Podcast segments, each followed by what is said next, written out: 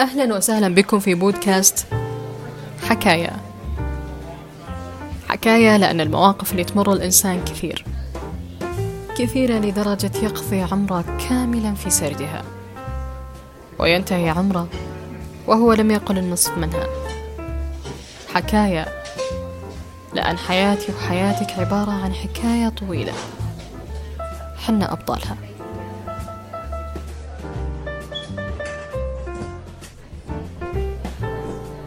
موضوع الحلقة. تجربة شخصية.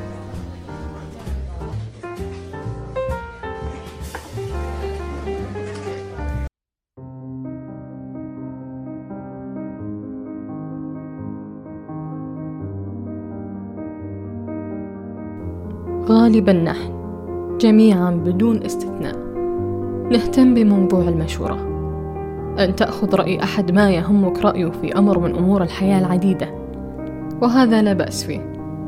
إنما في أحيان كثيرة يتعدى الأمر المشورة ويتحول إلى استنساخ أفعال أو أقوال الشخص الآخر واستعمالها في موقفنا أو علاقاتنا أو تجاربنا أيا كانت. أذكر أول ما تخصصت في تخصصي الحالي كانوا يقولون لي بنبرة تحذير أن كل طاقم التدريس الخاص بهذا التخصص يعانون من قلة المراعاة وأنهم من أولئك الذين ينتظرون أن تزل ليحسبوها عليك.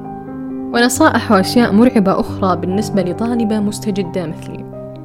الجدير بالذكر أنني لم أخذ هذه التحذيرات على محمل الجد وآمنت أن لا سوء يظهر هكذا دون سبب. لابد أن يكون هناك سبب. وأخيرا وبعد أن اعتمدت على تجربتي الشخصية وإلى يومنا الحالي وها أنا على عتبات التخرج لم تظهر لي أستاذة واحدة تحمل من الصفات ما وصفوه لي. تخيل. كان في وقتها كم من الطالبات غيروا التخصص هروبا مما سمعوا وهذا أعتبر اعتماد كلي على تجربة ليس لهم يد فيها. وأتساءل لماذا نعتمد على السماع دون أن نخوض التجربة دون أن نرى دون أن نتعامل معها بصفتنا نحن؟ ولا نطبق ما قيل لنا من شخص قد يكون فشل. في ذلك ويرى أن الأمور التي خاضها هي من أخطأت في حقه. استشر من أردت في أمور معينة ولكن الاستشارة في كل أمور الحياة تتلفها. في مواقف وعلاقات وأشياء أخرى لا يمكنك أن تستنسخ فعل ما وتأتي به لتتعامل به معها مثلا في تجارب الزواج. وقبل الخوض في هذه العلاقة الأبدية تجد الناصحون من كل حدب وصوب. الناجح فيها والذي تعثر فيها يدلي عليك بنصائح لا حصر لها. نصائح تقول عنها صحيحة ونصائح نفسك وهي نفسك تستنكرها. فما حدث مع أحد الأصدقاء أو أحد الأقارب أو حتى أحد الغرباء ليس بالضرورة أن يحدث معك. قد يعطيك نصيحة ويملي عليك ما تفعل لتعيد خطأ ما كان عليه أن يتكرر لولا أن سمعت له. لا بأس إن أخذت من هذه التجارب ما يفيدك وابتعدت عما يؤذيك لكن تأكد أن ظروف الذي أمامك ووضعه وقدرته على التفكير أثناء ذلك تختلف تمام الاختلاف. عما ستمر به أنت. لا لذة في الاستنساخ ولا هدف فيها ولا منها. إن كنت خاف من أن تفشل فأنت على خطأ منذ البداية لأن في كل أمر إن لم تضع أمام عيناك إمكانية النجاح وإمكانية الفشل فإن سقطت فسقوطك سيكون رهيبا. تعامل مع أمور حياتك بعقلك أنت بصفتك أنت وأنت بطبيعة الحال تعرف الصائب من الخاطئ. وإذ نظرت أن هناك ما يفوقك لا أعتقد أنك ستكمل دون أن تستعين برفيق.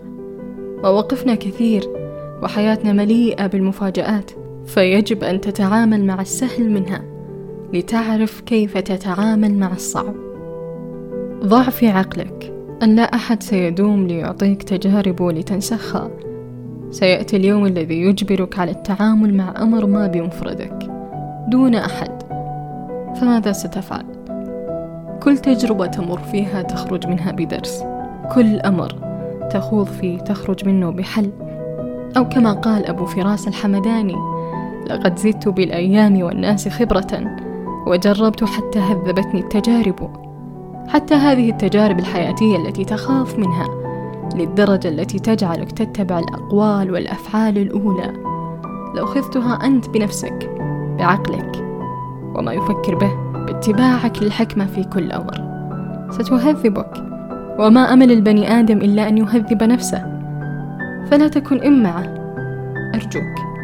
ما وضع الله في الإنسان عقلا ليتبع الناس عاقلهم وسفيههم أينما ولوا. اعتمد على تجاربك الشخصية. واترك تجارب الناس للناس.